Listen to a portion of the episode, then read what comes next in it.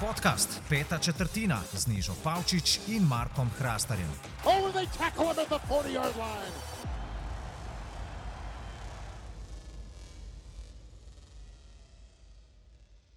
Takole, poslušalci in poslušalke podcasta Peta četrtina, nazaj smo, drugič ta teden, kot smo obljubili, z mano sta seveda spet fanta Marko Hrastar in Rog Gregorič. In tokrat bomo imeli deep dive into the Super Wild Card Weekend. Zdravo, fanta, najprej. Hello, živijo, živijo. Samo še v bistvu malo več kot 24 ur nas loči do tega, da se playoff uradno začne. Mene najprej zanima, koliko zelo se tega veselita. Jaz sem verjetno malo bolj kot roka. ne. Glede na to, da bo rok sit out, jaz sem pa nazaj za mikrofon. Tako da žal, tokrat ne bo razvajala poslušalcev in gledalcev s tandemom. Ampak se mi pa niža Pavčič pridruž za obe nočni tekmi, se pravi Washington, Tampa, pa Cleveland, Pittsburgh. Neža tik pred odhodom čez lužo. a? Ja. Kakšne- I have, I have cvetje shoes to fill, veš, zdaj morava, zdaj morava ujeti ta uh, energy, kot sta ga imela z rokom, tako da, da ne, no pressure, zdaj moram shoes to fill svojo ekspertno analizo, cover zero, cover two, safety gor, safety dol. Uf. Vsemu še retoriko med, na najvišji ravni. pa primorskega naglasa ne pozabi. Ej, um, s katero tekmo bomo začeli? Ja, dajmo po vrsti. Ja, valjda, dajmo po vrsti najprej dive. Jaz mislim, da nas že takoj za začetek čaka ena zelo dobra tekma Buffalo Indianapolis. Zdaj upam, da ste si, če ne drugače, boste, pa pol pogledali naše Super Bowl predikšne oziroma playoff predikšne, valjda kdo je najbolj bold, vsaj po mojem mnenju spet Marko Hrastar. Ne? Naslednji let bomo naredili pred začetkom tele sezone, bomo naredili prav rubriko ali pa prav epizodo lahko naredimo, Bold Predictions, in bomo na koncu rednega dela potegnili črto in bomo videli, kdo bo največ bolj, kdo bo imel največ predictionov, pa med njimi tudi bolj predictione. Mogoče bi bilo to kar uh, primerno, glede na to, da je Marko res bold lover. A Jaz ne bom rekel, tako, da sem bolj lover, no? ampak dajm- dajmo iz druge perspektive pogledati. Jaz sem bolj mainstream hater.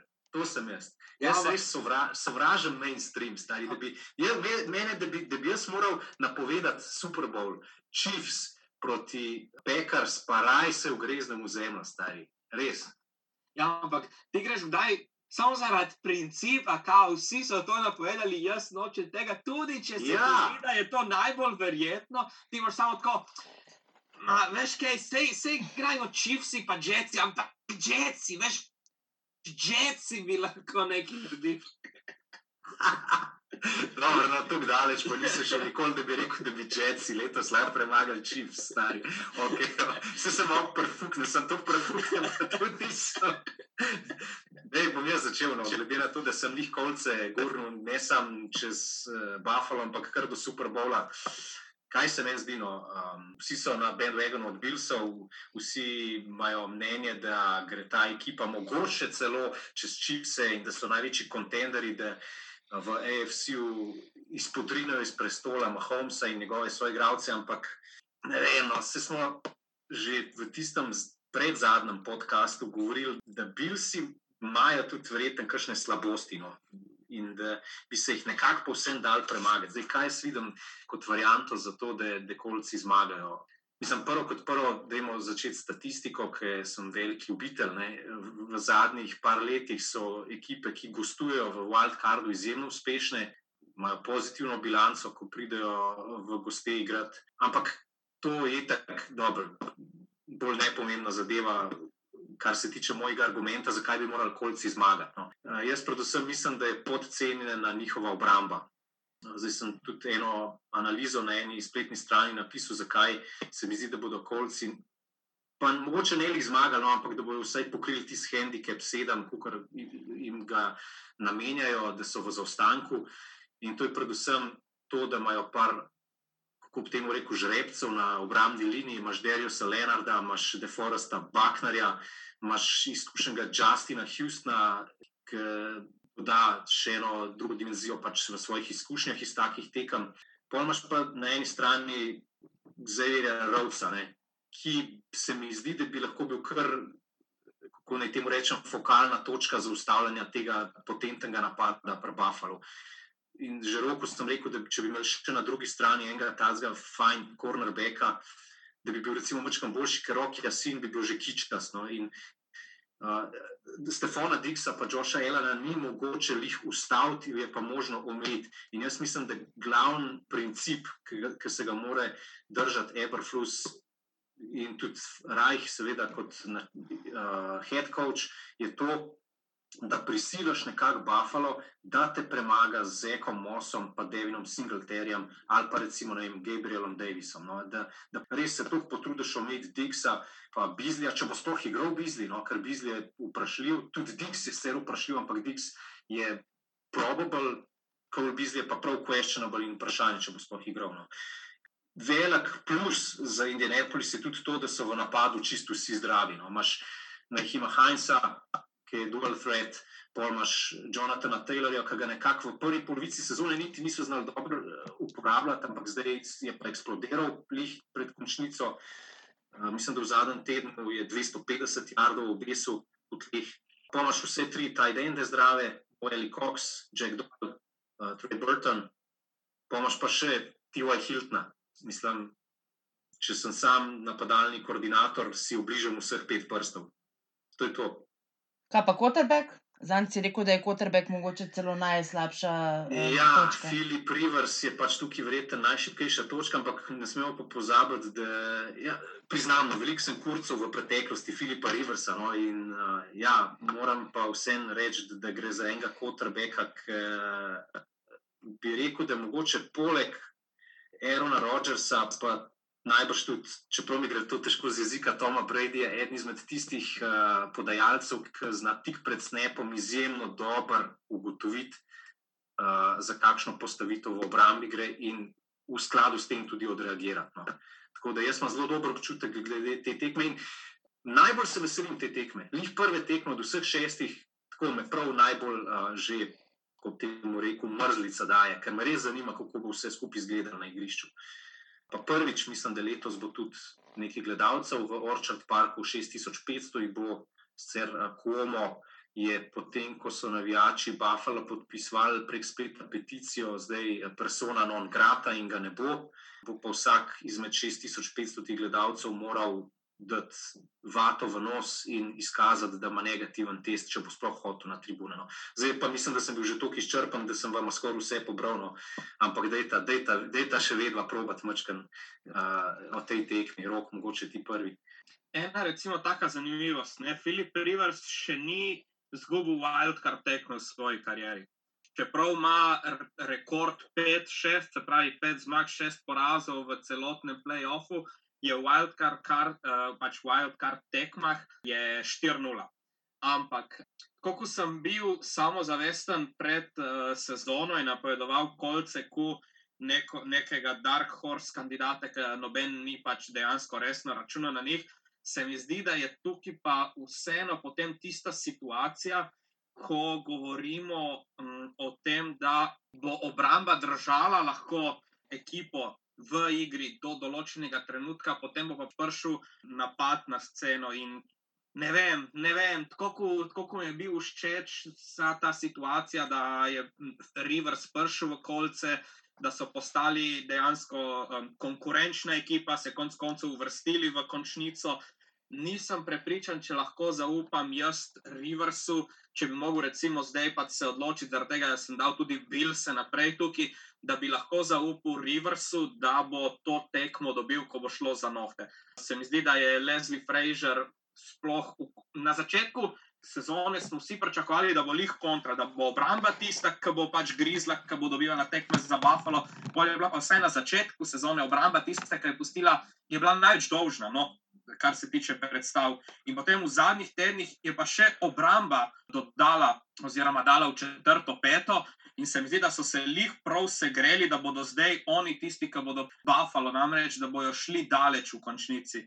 In se mi zdi, da, je, da se je ob nepravem času Buffalo sestavil, da bi potem lahko pač Indianapolis zdaj kot sedmo uvrščeni, da bi naredili neko presenečenje, lih zaradi tega. No. Neža, Mm, Jaz se tle do, bolj strinjam, oziroma bolj nagibam k Rokovem mnenju, glede na to, da so oba dala Buffalo. Mislim, da kolci so bili, da so underrated, definitivno, sploh kar se tiče obrambe.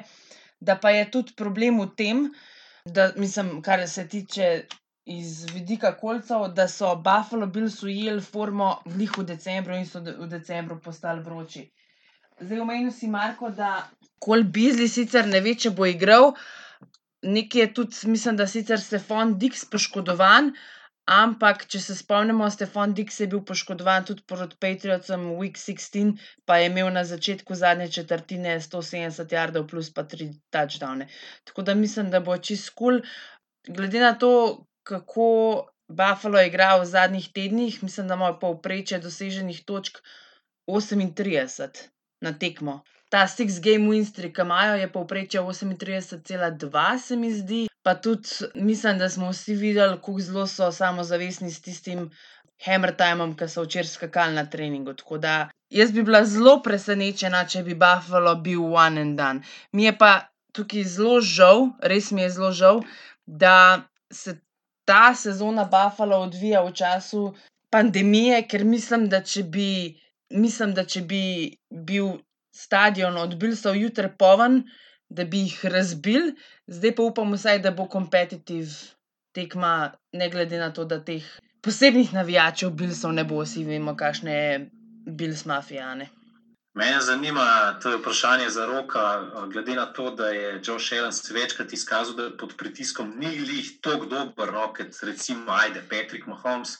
Kako on vidi to, da bi recimo pri Indianapolisu face pritiskal na njega, a, a se mu zdi, da, da to ne bo prevelika težava, ali da bi lahko vsem um, lih s tem, recimo, Colts prišli do tako želene vrstitve v Division Round.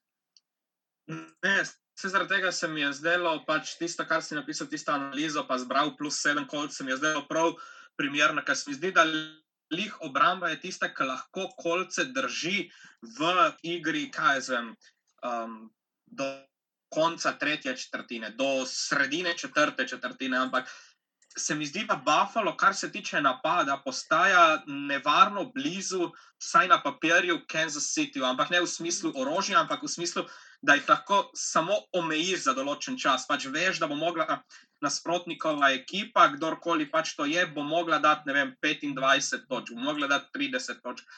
In pritisk, ja, lahko pošlješ razno razne pakete blicov, pač skrivaš svoj coverage. Indianapolis je, vsaj kar se tiče obrambnega dela, letos res, res vrhunski.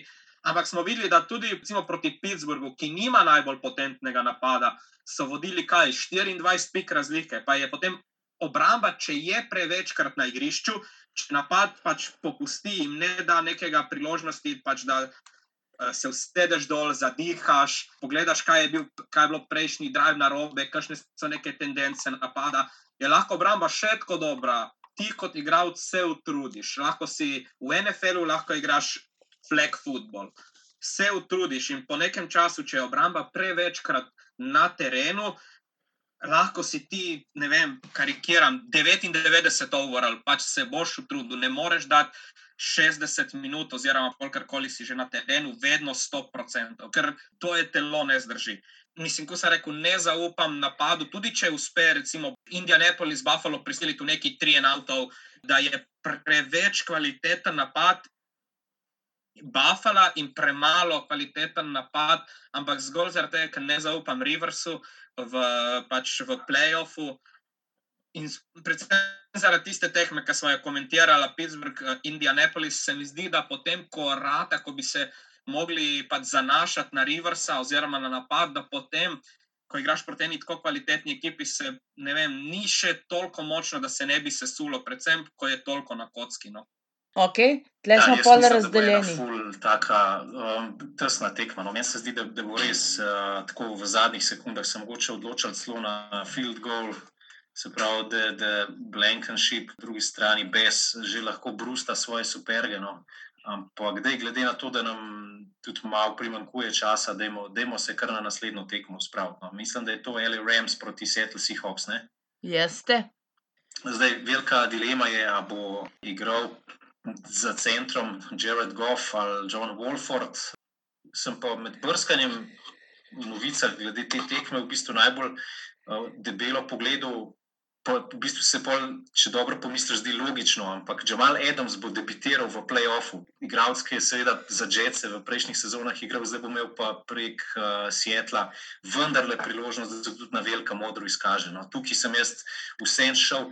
Na Seattle, glede na to, da tudi uh, Russell Wilson, tako kot Filip Rivers, zelo dobro začenja končnice in je recimo na vseh petih tekmah, ko je igral na začetku doma, s tih opsi vseh teh pet tekem tudi dobil. In meni se zdi, da bo tokrat enako, kljub temu, da je ja, Donald in Ramsey. Ne? Kako to obrambo na čelu s tema dvema elitnima igralcema omejiti? To je veliko vprašanje. Kar je tletko ful pomembno povedati, da tako je bila na začetku. Eh, sezone, obramba Sietla, hujšku, švicarski sir, res lahko si delal z njimi, kar si hotel, predvsem ob igri po zraku. V zadnjih treh tednih so tretja najboljša obramba, so pustili manj kot 16 točk na tekmo.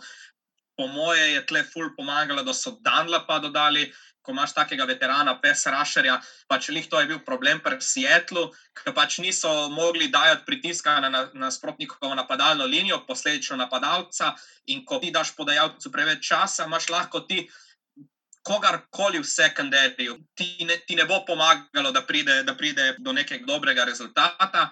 In potem, ko daš pod pritisk, smo videli tudi najboljši, tudi Tom Brady, tudi Aaron Rodgers. Pod pritiskom si ti drugačen podajalec, drugače obnašaš, drugače razmišljaš, si manj natančen, manj potrpežljiv. In potem tudi tvoji sekundari, pa tudi linebackeri imajo več časa, maj, mislim, jim je lažje celotno stvar odigrati, se lažje držati svojih assignmentov. Se mi zdi, da je lih obramba Sietla, ki je bila velik dolžnik na začetku sezone, verjetno vse do vem, dveh tretjin sezone, je zdaj pač nekako ujela korak z napadom. In je, jaz sem potem Seattle dal tudi pač v NFC Championship game, tudi če bi bil golf. Ampak ne vem, se mi zdi, da je. Los Angeles je ena ekipa, ki je obramba zelo v redu, bolj pa napad je velik dolžnik, predvsem zaradi tega, ker golf je v bistvu produkt uh, neke scheme, ni dejansko nek full, full kvaliteten podajalec. Jaz sem tako rekel, no, tukaj sem jaz šel na Seattle in sem zatem stal do včerajšnjega pregleda določenih novic. Meni je noro, ampak res fascinantno, da je tako hiter nazaj prišel Andrew Whitworth. Jaz sem mislil, da je on out for the season, imel je težave s kolenom, kot sem. Uh, se spomnil, ampak on bo nazaj že za to tekmo. On je, on je aktiviran za Wildcard in se mi zdi, da je to velik, velik boost za napad Los Angeles Rams.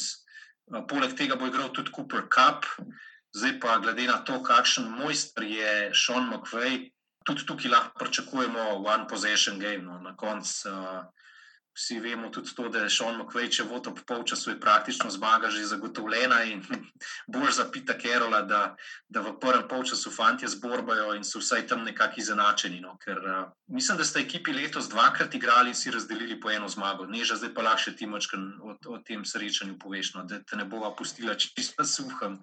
Jaz mislim, da, ima LA, da imajo LA Remsi najboljšo posamezno skupino v celem playoffu ampak mislim, da so pa skupaj z napadom ena izmed bottom ekip, if that makes sense. Torej, obramba L.A. je po mojem najboljša v ligi, sorry, kolci, zaradi tega, ker imaš ti Jelena Remzija, ki je dobesedno shutdown corner. Če, eh, če gledaš statistiko DK Metcalfa proti Jelenu Remziju, mislim, da nikoli nima več kot 60 jardov. Na zadnji tekmi ali pa eni prej je imel, mislim, da ujeto eno podajo za 11 jardov, vse ostalo manj. Pa Erona Donalda imaš. In mislim, da se na podlagi tega bi bili L.A. Remsi skoraj da ne favoriti, ampak če imaš ti Jareda Goffa z devetimi prsti ali pa Johna Wolforda, za katerega ne veš, kaj od njega pričakovati. uh, v playoff tekmi, ki je on the line, ali konec sezone, ali pa uvrstitev v naslednji krok. Zato sem se jaz odločila za Seattle. Če bi bil Jared Goff zdrav, ne glede na to, kaj vsi mislimo, da Jared Goff, mislim, kaj vsi mislijo, kaj nekateri mislite, da Jared Goff je, ni se izkazal.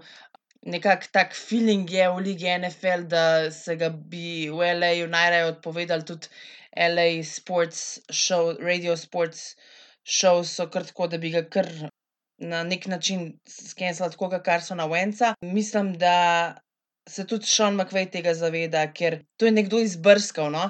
da je Sean McVay ob polčasu zadnje tekme Seattla proti LA-ju povedal Erin Andrews, da si želi, da bi imel Jared Goff več pregleda nad igro. Torej, ne, uh, oni so vodili, mislim, da un polčas. In torej, ko je on stekel v garderobo na polčas, si je mislil, da hoče, da ima Jared Goff več pregleda na tekmo. Tako, re, tako da John Wolford ga pa v zadnji tekmi, kot smo videli, ga je imel. Ne? Tako da zdaj ne vem, ali boš ti startu Wolforda ali boš dal Jareda Goffa z devetimi prsti, nekako desen, desen palc na roki, s katero mečeš kot, kot quarterback. Je kar pomemben. Um, je pa Jared Goff, mislim, da včeraj, pa predvčerajšnja že treniral, tako da jaz mislim, da bo vse en Goff začel, ampak zaradi tega, ker niso popolni na taki poziciji, kot je quarterback, imam jaz le Seattle za naprej. Je pa Zoki Radisavljevič, ki je z nami delal ta Bracket Challenge, imel upset alert na LA Remse, če ste videli. Ja, še mislim, da je Michael Broker se jim vrača, tudi pomemben del sestavljanke. No? Tako da tukaj, da bojo Seattle jih prošetali se v Divisional, to se definitivno ne bo zgodilo. No. Ampak ja, um, za razliko od ostalih tekem, tukaj pa nisem šel na upset. No. Bomo videli. Okay.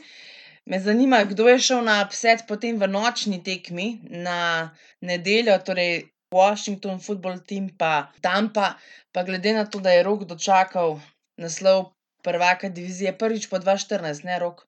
-hmm. You go first.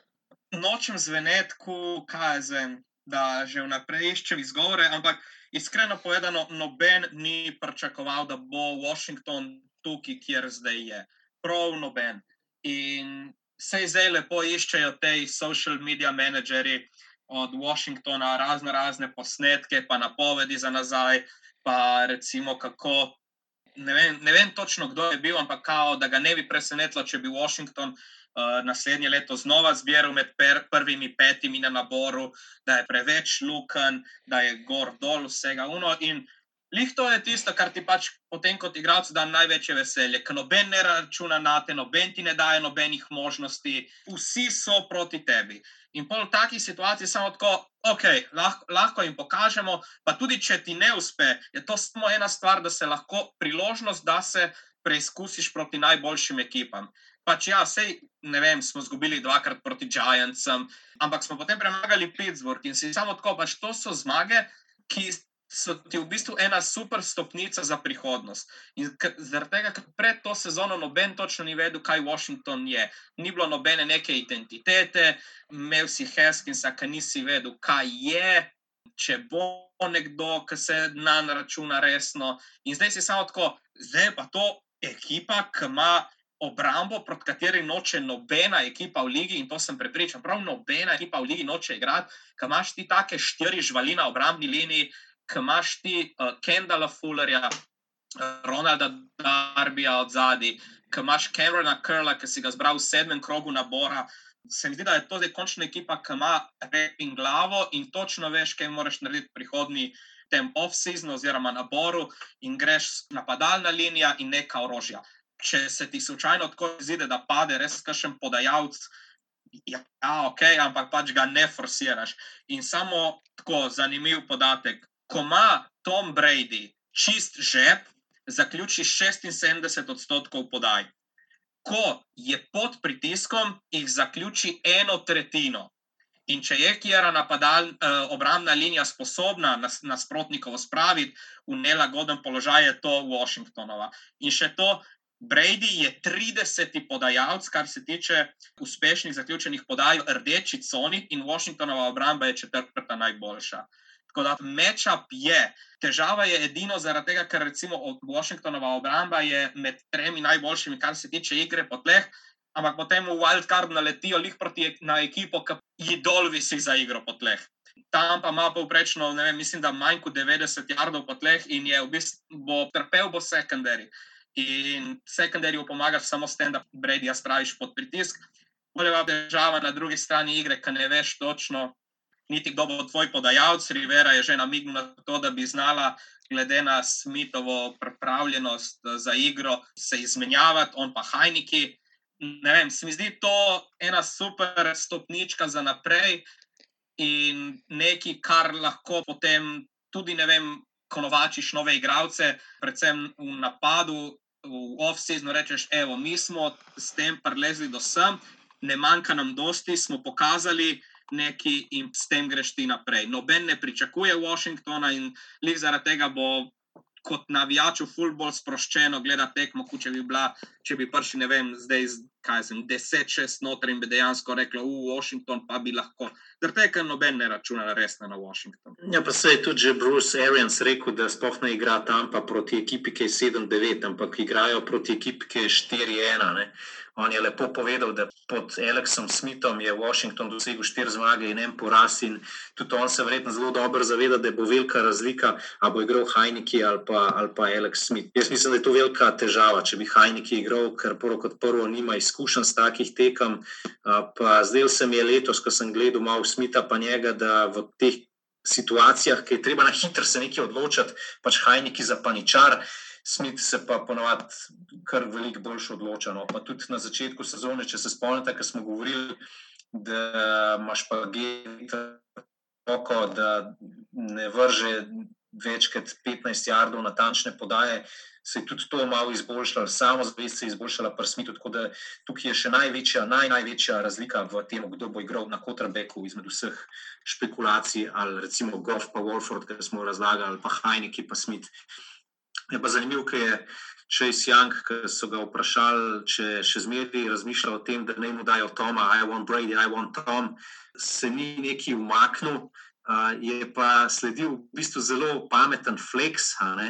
Če si nekaj rekel, kaj je res mislite, da bom vzel to nazaj, kar sem rekel, da si želim igrati proti Tomu Bradyju, valjda, da si želim igrati proti Goatu, proti največjemu igralcu ameriškega nogometa vseh časov. Če mislite, da se bom za to pravičil, pol se uh, grdo obmotite. In zdaj bojo pač vse oči upirjene v, v Chase Younga. In jaz mislim, da taka žival, taka mašina, ki je Chase, bo znal to zelo dobro podkrepiti. No. Ne bom rekel, da se te tekme ful zelo toliko veselim, ker recimo uh, Colts, Bills, ampak.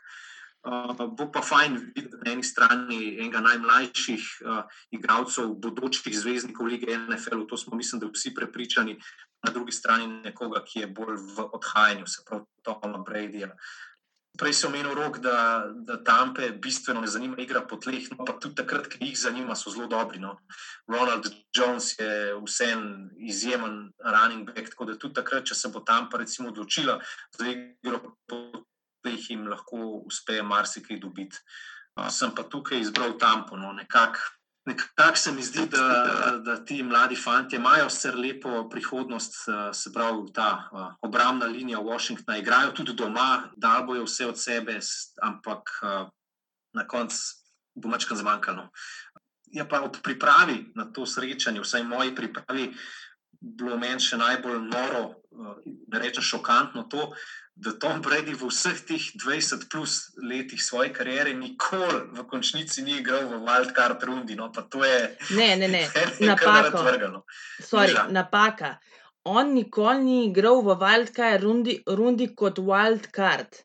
Ti igraš lahko v Wildcard rundi kot nosilec. Ja, tako, no, tako, ja. tako. Je pa čudno. Ja, se pravi, kot nikoli ni igral v Wildcard rundi kot izzivalec.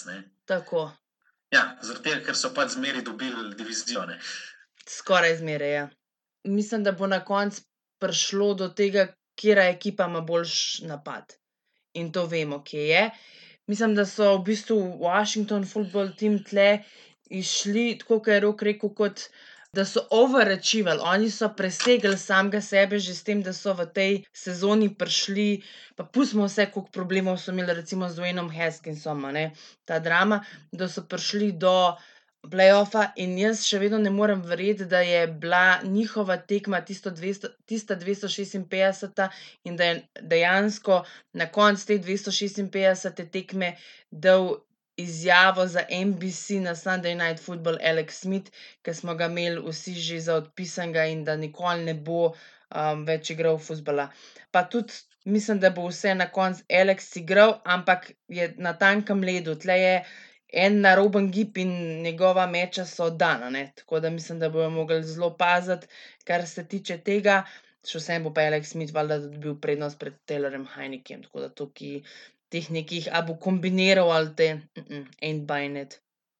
To je, kar se tiče potem sobote, zdaj v nedeljo imamo spet tri tekme, je pa v bistvu potem v nedeljo dva NFC-ja in en AFC. Začeli bomo z Baltimore, Tennessee oziroma Tennessee, Baltimore.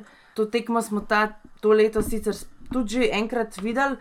Um, takrat se je po podaljšku veselili, veselili so se Titans, zdaj kako smo se odločili tokrat, mislim, da smo se vsi enako. No?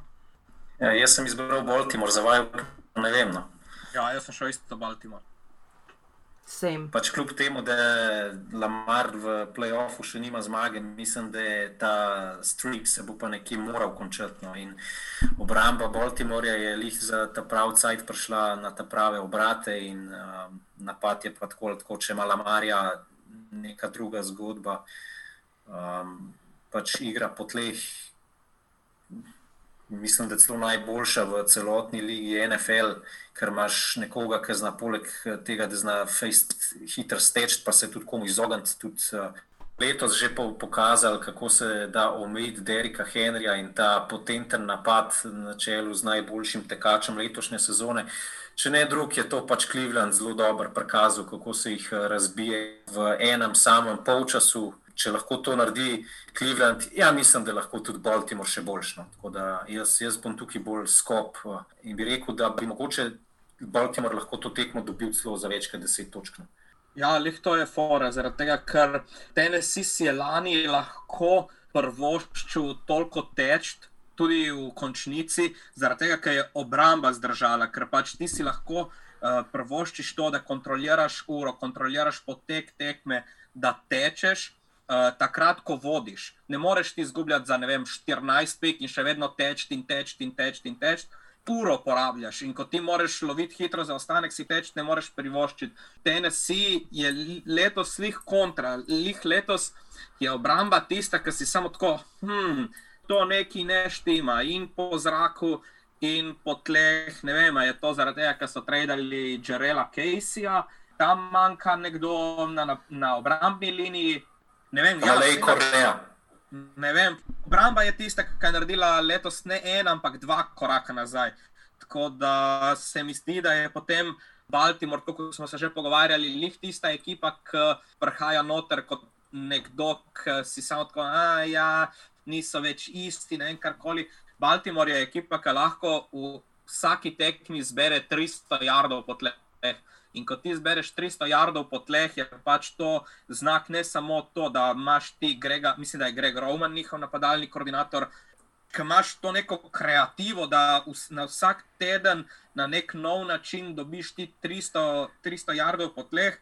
In verjemi, da ko se enkrat zaletiš, ko se drugič, ko se tretjič, ti tebi kot igralcu obrambe jemlje voljo, ker se take bowling krogle, kot so ne vem, J.K. Dobbins, pa Gas Edward zaletavajo konstantno v tebe 50krat na tekmo, verjemi, da si ne želiš biti v četrti četrtini še vedno na igrišču in kasirati to. In se mi zdi, da je tudi Tenehil ni več tak, kot je bil v tisti končnici, ko so potem zamenjali, naredili menjavo in je bil on kar naenkrat zdaj prerojen. Tako da se mi zdi, da je Baltimore, tako kot recimo, ampak ajde, Bilsi so bliže prej, ampak recimo, ko Bilsi, da so zdaj lih v zadnjih treh, štirih tekmah se mi je poklopilo, vse so imeli tudi veliko težav s COVID-om in vse, ampak da se mi je poklopilo in je Baltimore ekipa, ki bi lih v tej situacijski, situacijskem nogometu, se pravi na eno tekmo, ko moraš pač dejansko zasnovati najboljši plan, se mi zdi. Predvsem zaradi nevarnosti, ki jo predstavlja njihova igra po tleh in napadalna linija, da znajo biti nevarni ne samo v tem, in presenetiti, glede na to, da so peto, peto postavljeni, ampak tudi za naprej, da bi lahko mešali štrene. Se pa vrača Steven Gostkowski z COVID liste in mislim, da bo igral že kaj 29 tekmo končnice v svoji karieri. Wow, wow, wow. Mislim, da bo full velik točk doseženih, ne samo zaradi tega, ker jih obe ekipi dosežeta že tako ogromen, ampak tudi Titans imajo res za noč obrambo. Mislim, da so ne samo obrambo, ampak tudi special time imajo zelo šipke. To, kar si ti rekel, Marko, da se vidi, da ga lahko ne zaustaviš, ampak omejiš. In mislim, da je Baltimore s tistim, tisti mid-season slip so imeli, da se absolutno niso mogli pobrati iz krize, da smo jih že praktično skoraj da ne vsi odpisali. Mislim, da je bil tisti poraz proti Tennessee v low point v sezoni od Ravensov. In čeprav so Tennessee na koncu bili prvaki AFC Southa, pa so rangirani kot četrti sit, jaz mislim, da bo to zelo veliko presenečenje, če bi slučajno Tennesseeju uspel se uvrstiti naprej v Divisional. Tako da mislim, da tle absolutno Baltimore favorit in tudi ja, Lamarja Jacksona verjetno čaka prva playoff zmaga v karieri. Vse jih to sem hotel še povedati. Uh, premalo se zavedamo, kako težko je eno ekipo, ki ti je po kakovosti, recimo tam, tam da so ti blizu dvakrat zapored premagati v eni in isti sezoni. Tennessee in Baltimore sta igrala, ne vem, kaj tam v enem desetem tednu ali nekaj takega, in po podaljšku so zmagali Titansi. Ne. In zdaj pri Baltimorju se dobro zavedajo, kaj so takrat delali na robe. Verjetno bojo sto tisočkrat pogledali te posnetke, uh, se zakopali, mislim, se zaklenili nekam in vse to pregledali, naštudirali. In, in John Harbaugh, I trust, ne, da tukaj bo uspel nekako nadmudriti Vrabla. No. Mi- Mislim, da sicer Vrabel ne, mu ne bo, kar se te, eh, tega tiče, ostal neki full dolžen, ampak da bo na koncu prišlo do tega, da se bo odločil na igrišču in bo Baltimore to dobil, ker tudi eh, Titans v napadu niso več to, kar so bili, ne glede na to, da je Derek Henry prejšnji teden koliko 250 jardov pretekel in je prš, prebil mejo 2000 jardov. Tako da tudi to mislim, da ne bo tle igralo vloge in da bo Baltimore res končno prišel do te tako želene zmage, kot so imeli. Gremo naprej na drug obračun v NFC-ju, za katerega jaz sicer mislim, da je najmanj atraktiven, ker so Bersi, ja, sorry, Bersi so po mojem najmanj, najslabša ekipa tega playoffa. Najbolj zanimivo v tej tekmi je pa to, A, da se vrača Alvin Kamara, ki je že opozoril uh, vse na Twitterju ali Instagramu, da you on Sunday. Pa B, da bo prvič v zgodovini NFL-a Nickelodeon delal prenos za NFL tekme za otroke. To kot tem. All you need to know. Zdaj pa, Marko, prosim. Ja, um, to je tekma, ki sem jo že v tem našem medtedenskem podkastu ocenil kot nekaj, kar bi bilo res največje presenečenje. Se pravi, da na vseh šestih tekmah, oziroma vseh petih ostalih tekmah me ne bi presenetil. Recimo, Titans si premagajo Baltimore, rečeš, ja, nič tacga. Recimo, Kolci premagajo Bilse, nič šokantnega. Hell, še Brownsi premagajo Pittsburgh, ja, ok, so jih že prejšnji teden, čeprav z njihovo drugo ekipo. Ampak, če bojo pa Bersi premagali Sence, bom pa res naučil totalno, ker njihova obramba lahko mogoče še kaj naredi. Zdaj berem celo, da bojo brez roko na smita igrali, ampak napad z Mičem Trubiskim pa, ja, pizdano, ne vem, v New Orleansu, v popolni postavi, s Kamaro, z Brisom, s to obrambo, ki je podcenjena tudi za moje pojme, s to napadalno linijo, ki sem jo že pohvalil, v kateri sodeluje tudi Latavius Murray občasno, če je treba, s Taysom Hillom, s tisoč in eno rešitvijo v napadu. Ne vem, no, mene, meni je to tako, recimo, kot da bi, kaj jaz vem, NK Jadran Dekani premagal Maribor v ljudskem vrtu, recimo, no, če se gremo v naš nogomet, v našo sfero.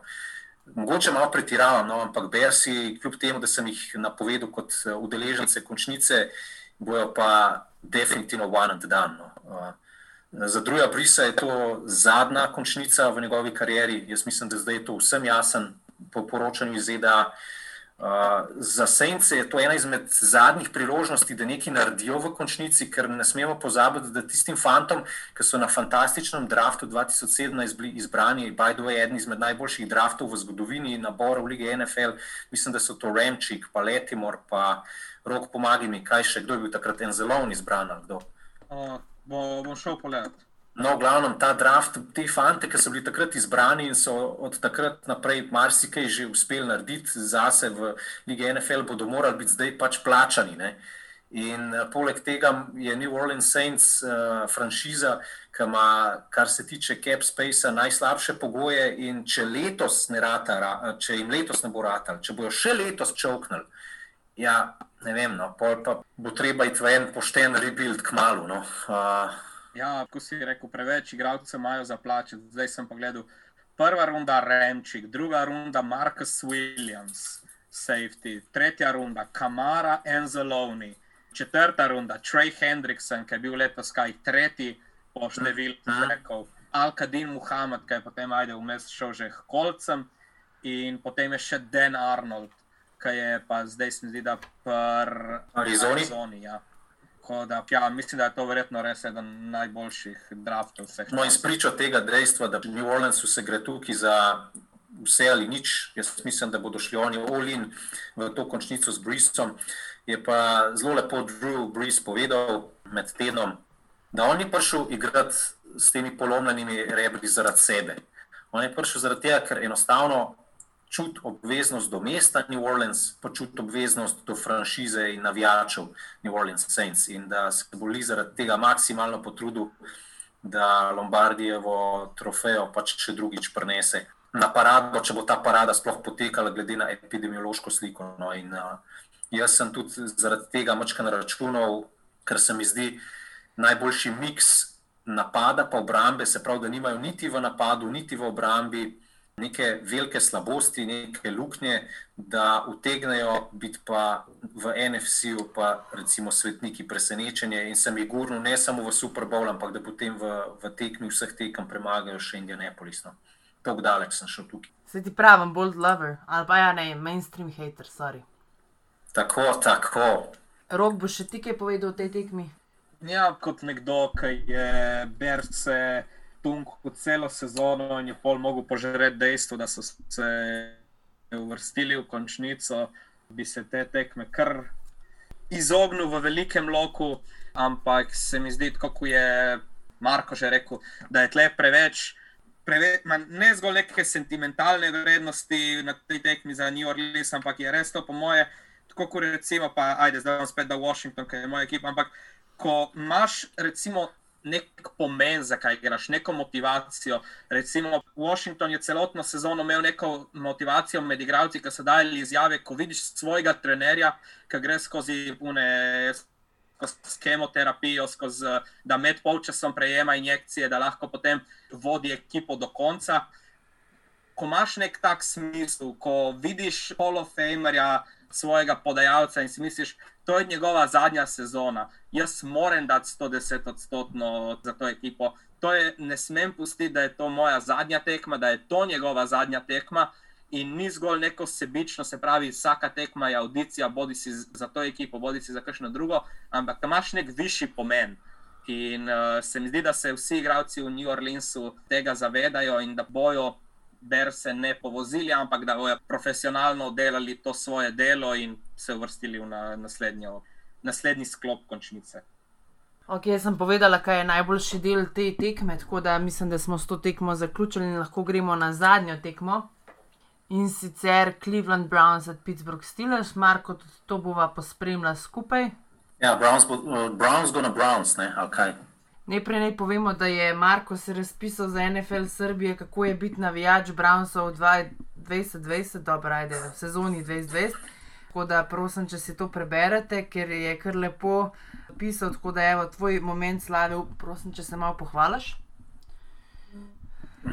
Ja, lahko bi si še malo več časa vzel, no, tako na hitro sem, hiter sem spisal zadevo, pa je poslal uh, gospodu oziroma gospodiču Karagi. Pa glede na to, da ni bila niti ena črka popravljena, očitno mi gre srpščina že tako dobro, da, da niti lektor se ne rabijo več. kot sem že rekel, no, mislim, da v zadnjem podkastu, pa tudi napisal v tem blogu, Cleveland Browns so naredili svoje. No. Ne samo to, da se je vlak obrnil v pravo smer, da smo zdaj na mapi lige NFL, da nismo več tarča posmeha ali pa vsaj ena izmed tarč posmeha. Imamo tudi quarterbacka, ki je jeben leader.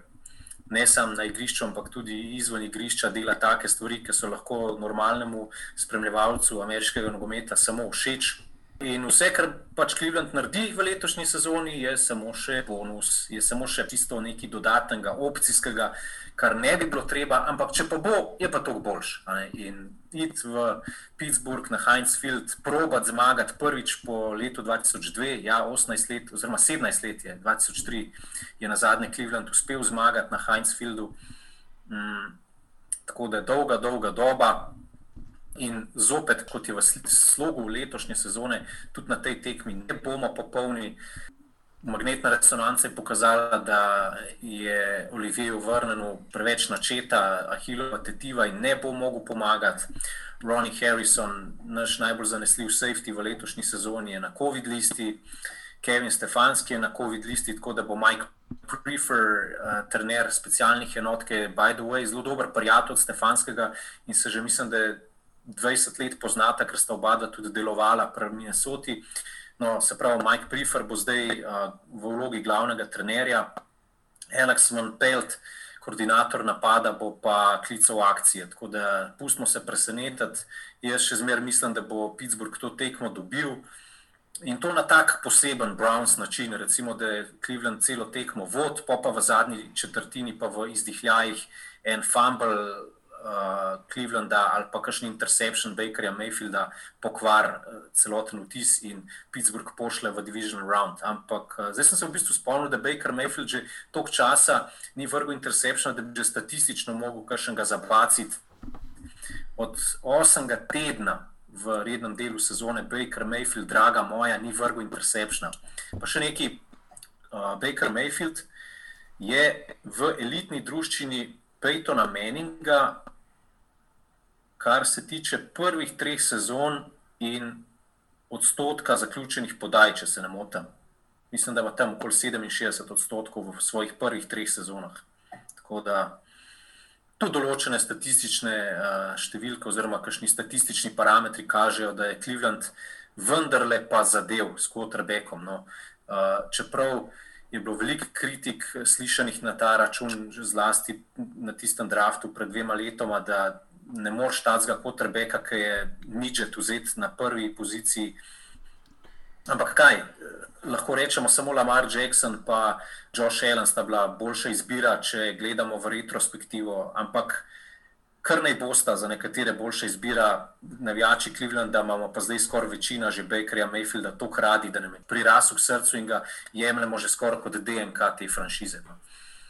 To je mojih pet centov na to tekmo. Um, Pa še to bi rekel, no, da, da je uspel Pittsburghu, kljub temu, da jih je že nekajkrat v tej sezoni izučil, da ne smeš provocirati na takšen ali drugačen način nasprotnikov s plesanjem, recimo na njihovih logotipih. Da je Juju Smith Schuster včeraj v pogovoru za eno lokalno radijsko postajo v Pittsburghu rekel na vprašanje, ali so to drugačni Brownsi ali so to isti Brownsi. Pa je rekel, mah, to so pa stari Brownsi. Lej zmeri vidimo na drugi strani eno in isto franšizo, ki nisem tega rekel, no, ampak nekako je posredno nakazal, da so nas dominirali in dejansko so nas. Ampak, če bi bil jaz na mestu Džužu Smith-Schusterja, se ne bi znebil neki tazg, ampak bi rekel, a vendarle gre pa za nekoliko drugačno ekipo, še posebej v letošnji sezoni, ki imajo tazga trenerja, da jih, na, da jih zna ukomponirati v neko lepo obliko. No. Um, da se ne bo fantu to maščevalno, še posebej ob kakšnem naletu, kakšnega linebackerja. Tako no, evo, to je pa zdaj res vse.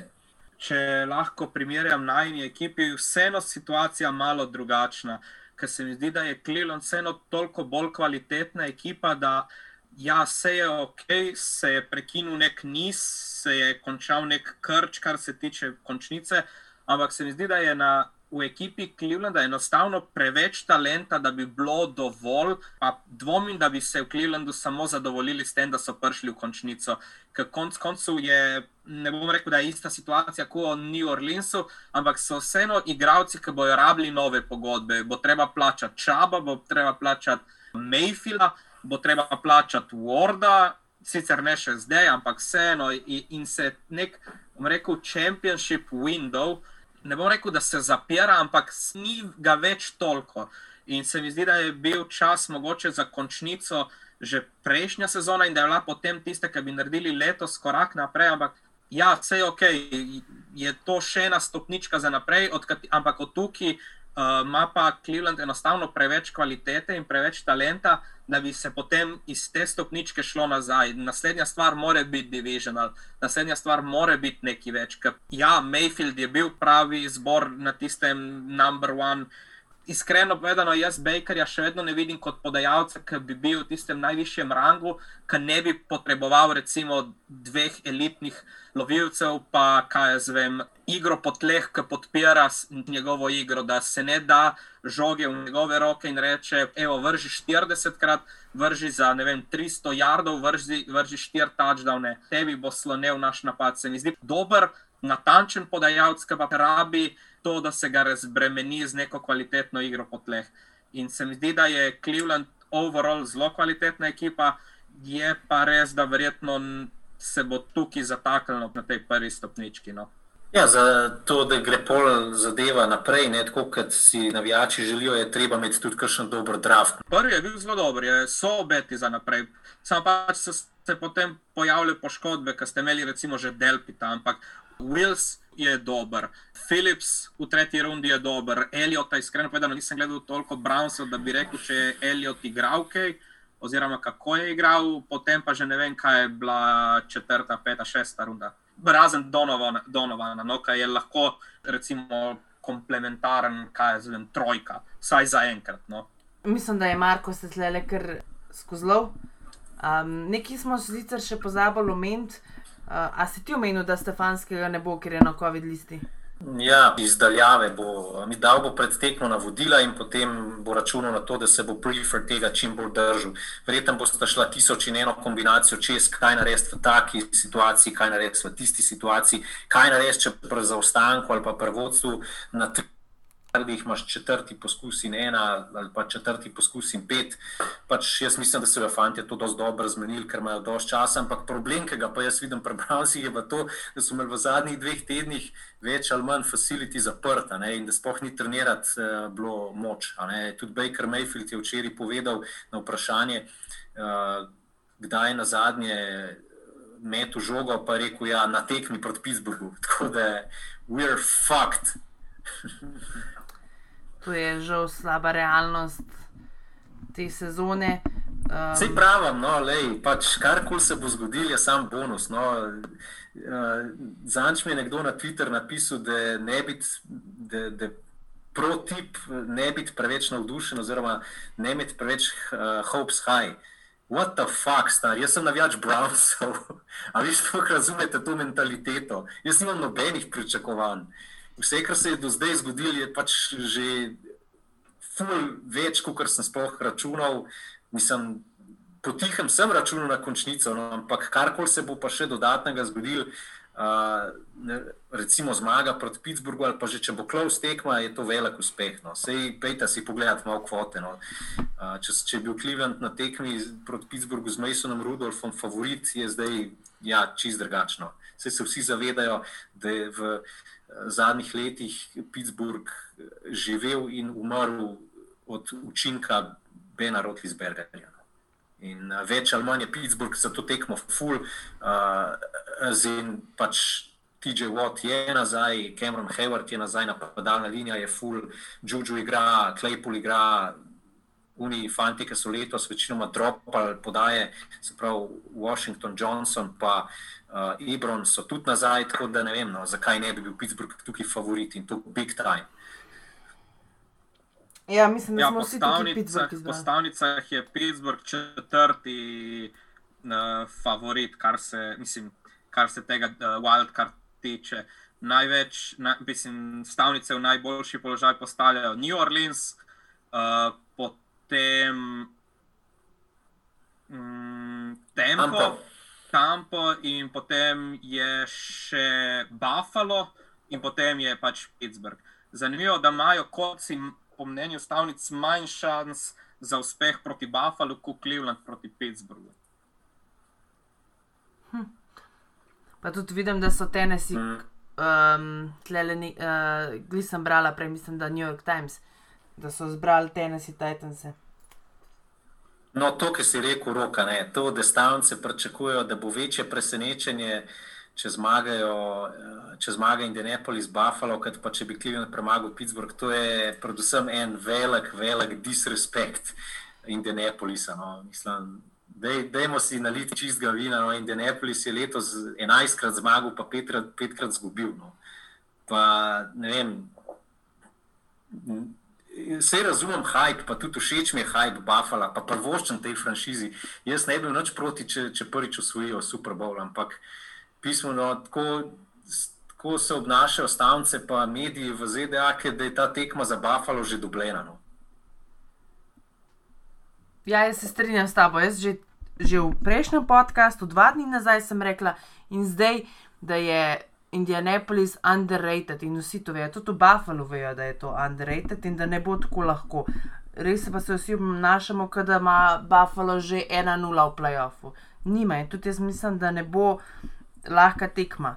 Pa da, kaj si ti rekel, kolc, da pokrijejo plus 7, a ne? Ja, jaz sem napovedal v tisti analizi, da Indianapolis Colts plus 7 gre skozi. Ja. Tako. Okay. Um, to je po mojem, kar se tega tiče.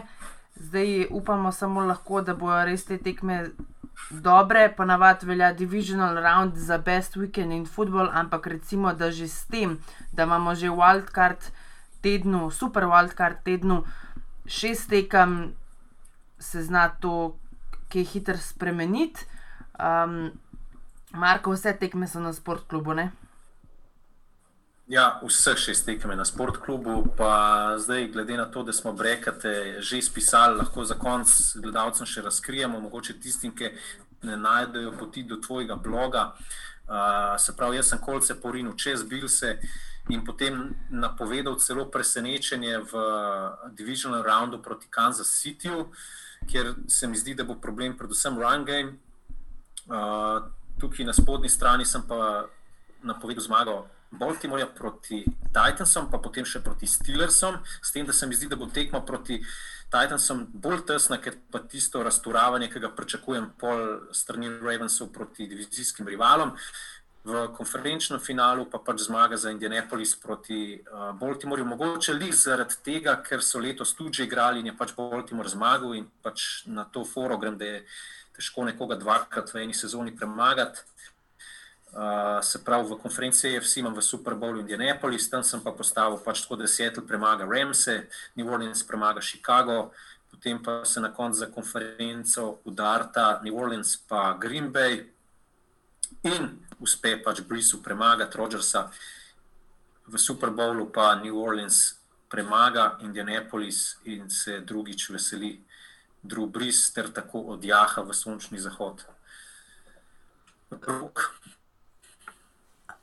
Jaz sem mm, v wildcard tekmah šel Ravensi uh, mimo Titansov, sem šel uh, Pittsburgh mimo Clevelanda, sem šel uh, Buffalo mimo Kolcev, na drugi strani um, sem šel Tampa mimo Washingtona, pa Seattle čez Remse, pa Saintsi mimo uh, Bersov pol pa v AFC-ju, v Divisionalu sem šel. Um, Tle sem, tle sem sicer res debatiral, kako bi se odvilo, uh, ampak pač nisem mogel ustaviti, uh, saj ne na Ravense proti Chiefsom in sem dal Chiefse dalje, uh, pa Bill se sem dal mimo uh, Pittsburgha.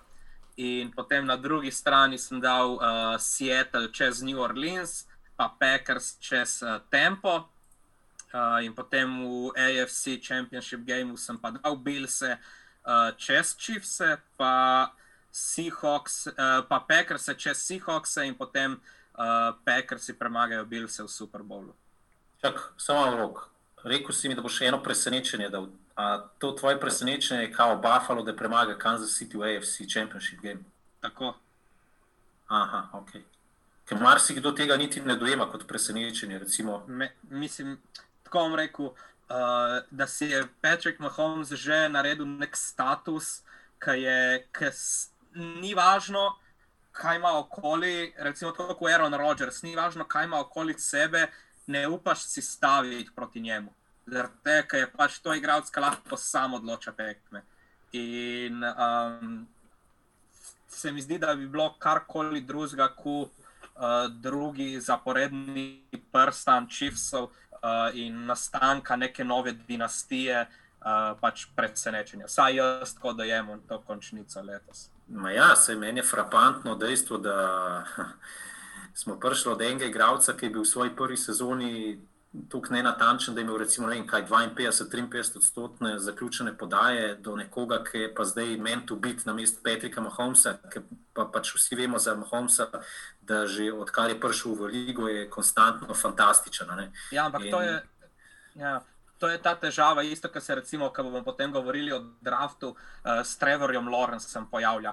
Ko je nekdo toliko časa pač dober, um, je to kazen, kot da bi se pojavil nek sindrom in ti gre na živce, da je nekdo toliko cajta neki dober in potem iščeš napake, ki jih sploh ni tam in probaš nekaj ustvariti, nek, nek narativ. Da, da pač potem zadostiš svoj zgodbi in rečeš, ja, ne vem, Patrick Mahomes, ni to, ni to, Trevor Lawrence, ni to, ni to. In uh, pol v bistvu iščeš napake, ki jih ni tam.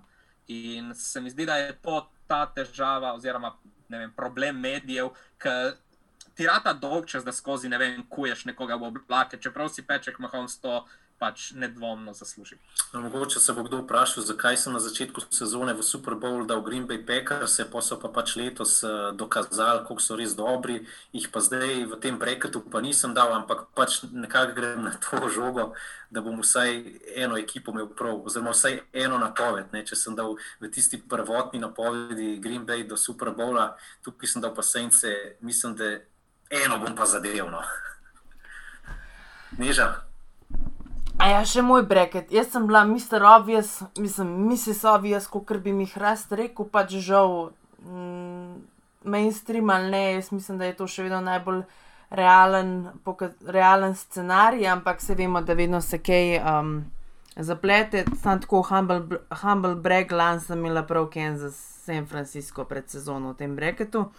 Tako da sem kar samozavestna, da bi letos tudi znala imeti in sem dala Baltimore um, Baltimore, Pittsburgh, pa Buffalo, na drugi strani potem uh, Saints, Seattle, pa Tampa, pa pride Tampa do Green Bay, sem dala Green Bay naprej, uh, Saints pa Seattle, sem dala Saints. V Championship, NFC Championship weekend je pol, gre Green Bay naprej, um, pa pa na AFC-ju, kar se tiče Divisional, sem dala naprej Kansas pa Buffalo za Championship, Kansas dobi in imamo Super Bowl Patrick Mahomes, Aaron Rodgers oziroma Kansas City Chiefs pa Green Bay Packers.